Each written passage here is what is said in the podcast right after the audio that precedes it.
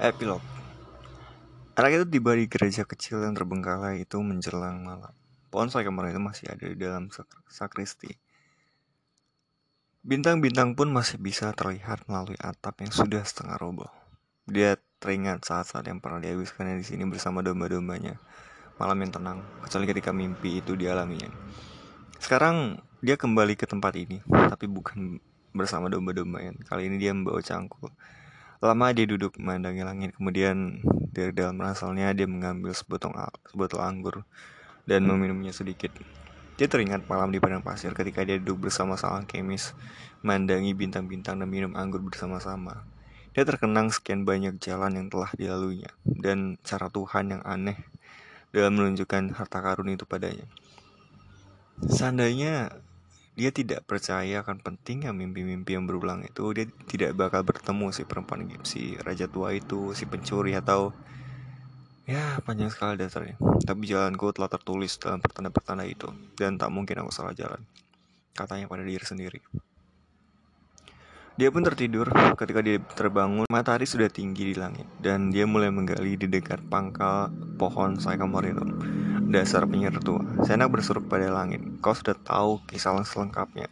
Kau sengaja meninggalkan potongan emas itu di biara, supaya aku bisa kembali ke gereja ini. Rapi itu tertawa ketika melihatku datang dengan pakaian compang sapi. Tidak bisa kau menghindarkan aku dari nasib itu? Jawabannya serasa datang dalam busan angin. Tidak, kalau aku memberitahu, kau tidak bakal melihat piramida-piramida itu. Indah sekali, bukan?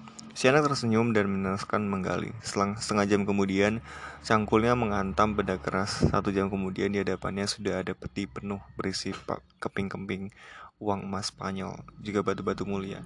Topeng-topeng emas berhiaskan bulu-bulu merah dan putih, serta patung-patung batu bertahtakan permata. Harta rampasan yang telah lama terlupakan dan tidak diceritakan seorang kong kuisnader pada anak-anaknya. Serak mengeluarkan urim dan tumim dari dalam tasnya. Baru satu kali dia menggunakan kedua batu itu.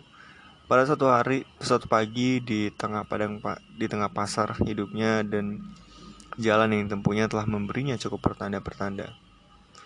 Dimasukkannya urim dan tumim ke dalam peti, kedua batu ini juga bagian dari harta karunia yang baru, sebab mereka mengingatkannya pada raja tua itu, yang tak akan pernah ditemuinya lagi.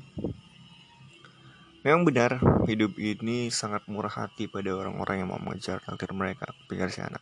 Kemudian dia ingat, dia harus pergi ke Tarifa untuk memberikan sepersepuluh hartanya pada perempuan gipsi itu. Seperti pernah dijanjikannya, orang-orang gipsi itu memang cerdik, pikirnya. Barangkali karena mereka banyak berkelana. Angin mulai bertiup lagi, levanter angin yang berembus dari Afrika. Angin itu tidak membawa aroma padang pasir ataupun ancaman penyerbuan bangsa Mor. Angin itu membawa keharuman parfum yang telah begitu dikenal dan ciuman lembut. Ciuman yang datang dari jauh, pelan, begitu pelan, menyapu bibirnya. Anak itu tersenyum. Baru kali itu Fatima memberinya ciuman.